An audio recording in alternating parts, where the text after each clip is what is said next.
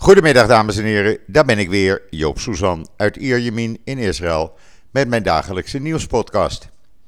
Ja, weer een volle podcast en veel corona natuurlijk, want het, uh, ja, ik weet niet wat ze aan het doen zijn hier, maar uh, het lijkt wel paniekvoetbal. Maar daar kom ik zo meteen op.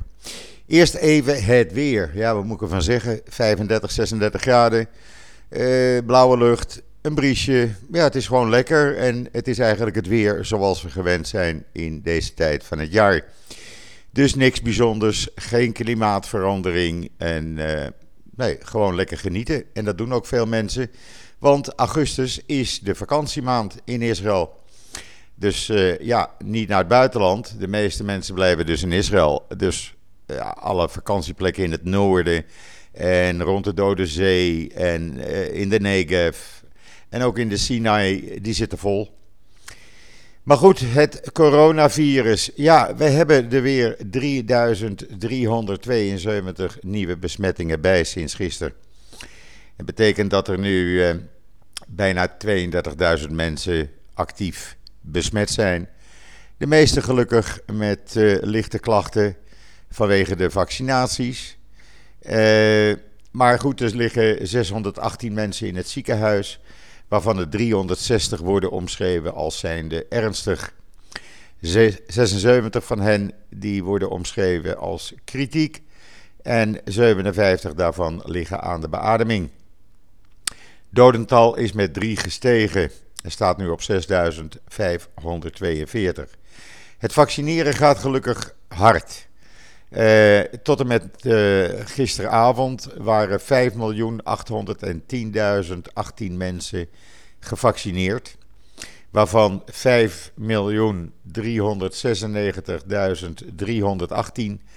uh, twee keer zijn gevaccineerd. En inmiddels zijn er een half miljoen mensen boven de 60 jaar voor een derde keer gevaccineerd. Van die half miljoen daar bleken uh, de meeste geen klachten te hebben uh, die anders waren dan bij de eerste of tweede vaccinatie. Uh, ik had u zelf gezegd, ik, ik heb donderdagmorgen had ik wat last van mijn bovenarm, waar die injectie was gezet. Maar ja, dat had ik de eerste en tweede keer ook. Dus voor de rest weinig verandering. Er zijn wel 14 mensen die bleken besmet te zijn, waarvan er 11 de besmetting al hadden opgelopen voor de derde vaccinatie. Het duurt namelijk vier tot vijf dagen en bij sommigen een week voordat het uh, immuunsysteem weer is opgeschud. Ja, en dan krijg je dus, zoals ik gisteren ook al schreef op uh, israelnieuws.nl, de discussie: gaan we naar een lockdown toe? Nou, als je alle uitspraken hoort, dan gaan we inderdaad richting een lockdown. Er wordt gezegd. Uh, ja, uh, we weten niet zeker of de scholen open gaan op 1 september. Als ze open gaan uh, en er is een lockdown, dan blijven ze open. Wat we wel zeker weten is dat na de Joodse feestdagen eind september alle scholen open zijn. Daarnaast wordt er gezegd van ja, als je tijdens de periode van Joodse feestdagen, die drie weken, een lockdown doet, schaadt het de economie het minst, want veel mensen zijn toch al vrij. Veel bedrijven werken op halve kracht of zijn gesloten. Dus uh, dan kunnen we het beter dan doen. Maar aan de andere kant zijn er ook experts die gewoon zeggen: jongens, doe dat nou niet. Het haalt allemaal niks uit. Het zijn momentopnames waar je niet, uh, niet het resultaat behaalt. Zo was er uh, vanmorgen was er een bekende expert, het hoofd van de epidemische behandelteam van het ministerie van Volksgezondheid, een meneer Tal Bros. En die zegt: luister, al die paniek. Uiteindelijk zal de overgrote meerderheid van de mensen worden blootgesteld aan het virus en er besmet mee raken. De vraag is alleen of de besmette persoon is ingeënt of niet. Want het is onvermijdelijk dat het virus de meerderheid van de bevolking zal besmetten en het gaat niet meer weg. Nou, eindelijk iemand die iets verstandigs zegt, vind ik dan. Want zo is het eigenlijk ook. Het virus is er gewoon. En ik had het al eerder gezegd tegen u. Ik zie het nu een beetje als het griepvirus. Daar word je ook tegen gevaccineerd. En uh, ja, dan kan je toch nog lichte uh, verkoudheid of uh, een zware verkoudheid zelfs. Of één of twee dagen dat je je een beetje grieperig voelt. Maar je gaat er niet meer aan dood. En dat is met dit ook. Je kan wel allerlei verboden gaan instellen en, en uh, allerlei problemen maken. Maar ik denk niet dat het wat gaat uithalen. Want als je dit blijft doen, denk ik dat we volgend jaar om deze tijd op precies hetzelfde niveau staan. En dat er nog steeds geen toerisme is, bijvoorbeeld naar Israël. Ze hebben nu uh, ook weer iets nieuws afgekondigd hier. Uh, het is vanaf woensdag al verboden om naar 18 landen te gaan. Want dan krijg een boete van zo'n 1260 euro. Maar men gaat het nu veranderen. Er komen drie kleurcodes en die gaan in op 16 augustus, dus volgende week. En dat is rood, oranje en geel. Nou, waar komt het heel simpel gezegd op neer? Eh, rood, daar mag je dus niet naartoe. Daar komen ook geen mensen van uh, uit die landen naar Israël. Uh, tenzij je speciale toestemming hebt gekregen van een vrijstellingscommissie. Nou, daar staan voor Israëli's uh, ja, toch wel populaire bestemmingen op, zoals Spanje, Turkije, Georgië. Maar men heeft ook een lijst met gele landen gemaakt. En die gele landen, ja, uh, als je daarvan terugkomt, moet je gelijk in quarantaine. En dat maakt niet uit of je gevaccineerd bent of niet. Je moet dan uh, uh, 24 uur in quarantaine totdat je test bekend is, als je gevaccineerd bent. En andere dus 7 dagen. Maar zegt men, alle andere landen zijn nu oranje, met uitzondering van 10 landen. En die tien landen zijn Oostenrijk, Australië, Hongkong, Hongarije, Taiwan, Moldavië, Nieuw-Zeeland, China, Singapore, Tsjechië. Maar naar die tien landen, de meeste mogen Israëli's niet eens in.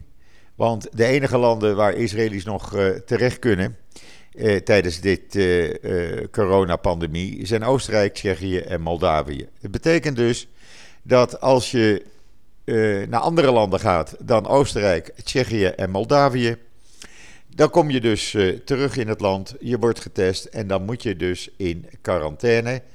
Totdat, ja, als je niet gevaccineerd bent, zeven dagen. En anders uh, totdat je test bekend is. ja, al die oranje landen en dan moet je dus in quarantaine. Dat heeft dus allemaal geen zin om nog te gaan vliegen. De lol is er gewoon zo af. En nogmaals, ik denk dat je dat uh, virus gewoon niet kwijtraakt. In Amerika is nu de panda, lambda, lam, sorry, lambda variant. Die kwam uit Peru en Chili. Nu overweegt men ook reizen naar Amerika te verbieden. Ja, je kan wel zo aan de gang blijven, maar het haalt op een gegeven ogenblik echt niet meer uit. Wat wel uithaalt is vaccineren, vaccineren, vaccineren.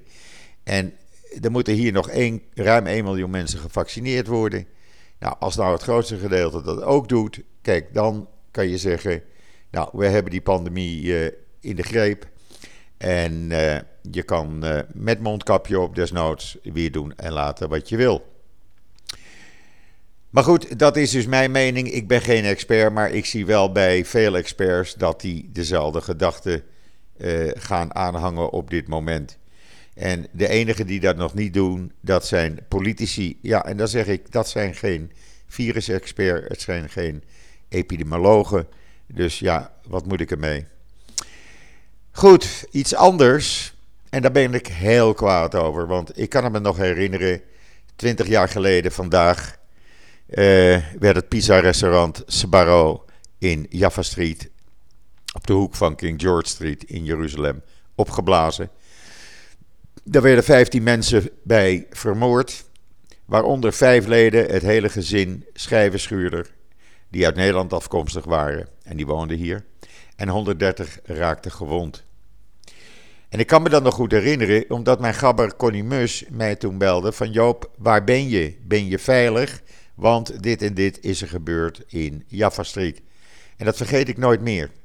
Daarna is dat vaker voorgekomen dat uh, Connie mij belde en eh, zelf zei van kom eens even helpen. Uh, daar en daar. En dat was ook op de markt uh, Magene Yehuda een keer. Omdat ik daar in de buurt was. En ben ik Connie gaan helpen. Maar goed, in ieder geval, deze terroristen die uh, die aanslag hebben uitgevoerd, die hebben tot nu toe, schrikt u niet, van de Palestijnse leiders 1.183.257 dollar ontvangen. Ja, u hoort het goed, 1.183.257 dollar. Waar het minimumloon in de Palestijnse gebieden 44 dollar per maand is omgerekend, krijgt bijvoorbeeld een, uh, het gezin van een van die zelfmoordterroristen elke maand 432 dollar. Dus 10 keer het minimumloon in de Palestijnse autoriteit. Uh, een ander die krijgt elke maand, dat is meneer Abdullah Barghouti. En die zit hier in de gevangenis. En die krijgt elke maand een bedrag van uh, eh, 2255 dollar op zijn rekening overgemaakt. En ik vind dit, ik vind dit absurd. Ik ben daar zo kwaad over. Dan is er ook nog een dame die uh, het doel had uitgezocht en een van de terroristen of de terroristen daar naartoe had geleid. Die dame die is geruild in de gevangenenruil uh, met Gilad Shalit en woont nu in Jordanië. En uh, dat was mevrouw Alam Tamimi.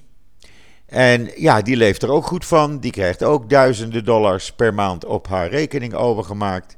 Maakt allemaal niet uit. We betalen jou gewoon. Zij heeft tot nu toe al zo'n bijna 57.000 dollar ontvangen. En leeft een luizenleventje in Jordanië. En zij is er nog trots op ook. Uh, u kunt het lezen op Israël Nieuws. Ik heb het helemaal uitgewerkt. Uh, het stond in Palestinian Media Watch waar ik wel vaker mee samenwerk. En als je dit dan leest, ja, dan word je kwaad. Dan word je gewoon kwaad. Moordenaars die gewoon het leven van een miljonair leiden. Trots zijn omdat ze Joden hebben vermoord. Trots zijn omdat ze acht kinderen hebben vermoord. Want dat bracht een grote glimlach op haar gezicht toen ze dat hoorde. Ja, en dan denk ik, in wat voor wereld leven wij? Wat zijn dit voor mensen? Wat zijn dit voor mensen die dit anderen aandoen en daar nog trots ook op zijn. En ik ga niet zeggen dat het geld komt van Nederland. Ga ik niet zeggen, want ik heb daar geen bewijs voor. Maar ja, we weten dat Nederland uh, vrijelijk uh, met geld uh, rondwerpt of rondslingert richting de Palestijnen. De Palestijnse autoriteit die krijgt leuke subsidies van de Nederlandse regering. Ach, het moet toch ergens voor gebruikt worden, denk ik dan. Maar goed, ik ga me daar verder niet in over uitlaten. Ik, ik vind dit een schande. Ik vind dit een, een, schande die niet meer kan worden uitgewist. Er zijn 15 mensen vermoord, gewoon omdat ze joods waren. Lees het op israelnieuws.nl. Het begint met bloedgeld. En dan iets anders. Want uh, iets heel raars. Ondanks dat de speciale corona-uitkeringen uh, zijn verlaagd, blijft de werkloosheid in Israël hoog. En niemand heeft daar een verklaring voor. Er zijn 130.000 banen beschikbaar. En ja, men heeft moeite die in te vullen. Uh, en dat is niet alleen high-tech. High-tech is iets van 10% daarvan, 13.000 jobs zijn beschikbaar. En ja, het blijft heel raar. Uh, mensen willen niet werken. En waarom? Ik heb er geen. Niemand heeft daar een reden voor. Ik ook niet. Ik denk, mensen moeten toch ergens hun geld vandaan halen. Uh, maar hoe ze dat dan doen, ik zou het niet weten. Maar het is iets heel opvallends en iedereen vraagt zich af: wat is hier aan de hand? En dan uh, ja, er is een, uh, komt een mooi kunstfestival voor het eerst. First of a Kind heet het. En het heet eigenlijk Regarding puntje, puntje, puntje, puntje. Dat kan je zelf invullen.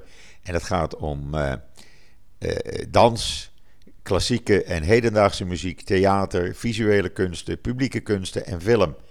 En dat komt op 10 plekken in oktober in Tel Aviv van 20 oktober tot 2 november. laten we hopen dat er dan geen restricties meer zijn voor wat betreft reizen. Misschien kunt u dan dat gaan bezoeken. Ik ga het in ieder geval wel proberen. En dan is heel bijzonders, ja, ik heb het al vaker gezegd. Israël, de geschiedenis ligt aan je voeten en overal waar je loopt en komt, is er wel iets wat duizenden jaren oud is. En nu heeft men uh, bewijs gevonden van een aardbeving die plaatsvond tijdens het koninkrijk Juda en ook genoemd wordt in de Bijbel. Uh, Zo'n uh, ja, 2800 jaar geleden is dat gebeurd. Ja, dat is een hele tijd geleden. 8e eeuw voor Christus. En die trof Jeruzalem. Jeruzalem was toen de hoofdstad van Juda. En uh, ja, daar hebben ze nu allerlei opgravingen gedaan, allerlei dingen gevonden, potten gevonden, skeletten gevonden van dieren. Ja, er zit ook een video bij dat artikel. Gaat u dat eens even lezen, zou ik zeggen, als het u interesseert. Want het is natuurlijk wel bijzonder dat iets wat in de Bijbel wordt genoemd, nu echt uh, ook te zien is. En ja, dat vind ik iets opmerkelijks hier in dit prachtige land. Want ja, eh, ik zei u gisteren, ik was eh, zaterdag even naar mijn broer in het noorden, in de kibbutz. Ja, ook daar rij je dus door gebieden waar je de geschiedenis van kent, omdat je daarover gelezen hebt. Iets wat 2000, 3000 jaar geleden is uh, gebeurd hier, of heeft plaatsgevonden. En dan zie je die groene heuvels, die groene bergen. En dan kan je je gewoon een voorstelling maken hoe dat toen moet zijn geweest. Ja, en dat brengt mij dus alweer bij het einde van deze nieuwspodcast. Want die tijd die gaat gewoon snel, 17 minuten alweer. Ja, strakjes om, uh, om 5 uur heb ik iets leuks. Ik ga het toch maar even zeggen. Dan, uh, een van de kinderen was jarig, een van de kleinkinderen. En die wou graag een barbecue. Nou, dat is hier in Israël natuurlijk geen probleem. Dus we gaan om 5 uur op het strand van Tel Baruch Beach in Tel Aviv lekker barbecuen. Gewoon omdat het kan. Ja, op het strand. Althans, bij het strand. Er is een hele grote barbecueplek. Mensen die uh, in Israël wonen die, uh, en naar mij luisteren, die kennen die plek waarschijnlijk wel. Het is bij de parkeerplaats en het strand. En ja, daar zie je eigenlijk een mix van heel Israël. Orthodoxe mensen die daar barbecuen. Seculiere mensen. Arabieren die daar in Drommen naartoe komen om te barbecuen. En iedereen heeft plezier. Iedereen zoekt een plekje op. Uh, er zijn faciliteiten om te barbecuen. En dat is een mix van Israël en altijd leuk. Nou, om vijf uur zal het nog zo'n graad of 34 zijn. Dus ja, uh, de zon gaat om een uur of zeven zo onder. Dus ja, het is wel leuk om het dan even te doen. En die jongen die 12 is geworden, nou, die uh, vindt dat fantastisch dat we dat doen. Dus we gaan, uh, Joop gaat daar ook naartoe en ik ga eens even lekker weer van een barbecue genieten. Ja, dank u wel voor al uw wensen. Dit brengt mij tot het einde van deze podcast. Rest mij u nog een hele fijne voortzetting van deze dinsdag, de 9e augustus, toe te wensen. Eh, ik ben er morgen weer. En zeg zoals altijd: tot ziens, tot morgen.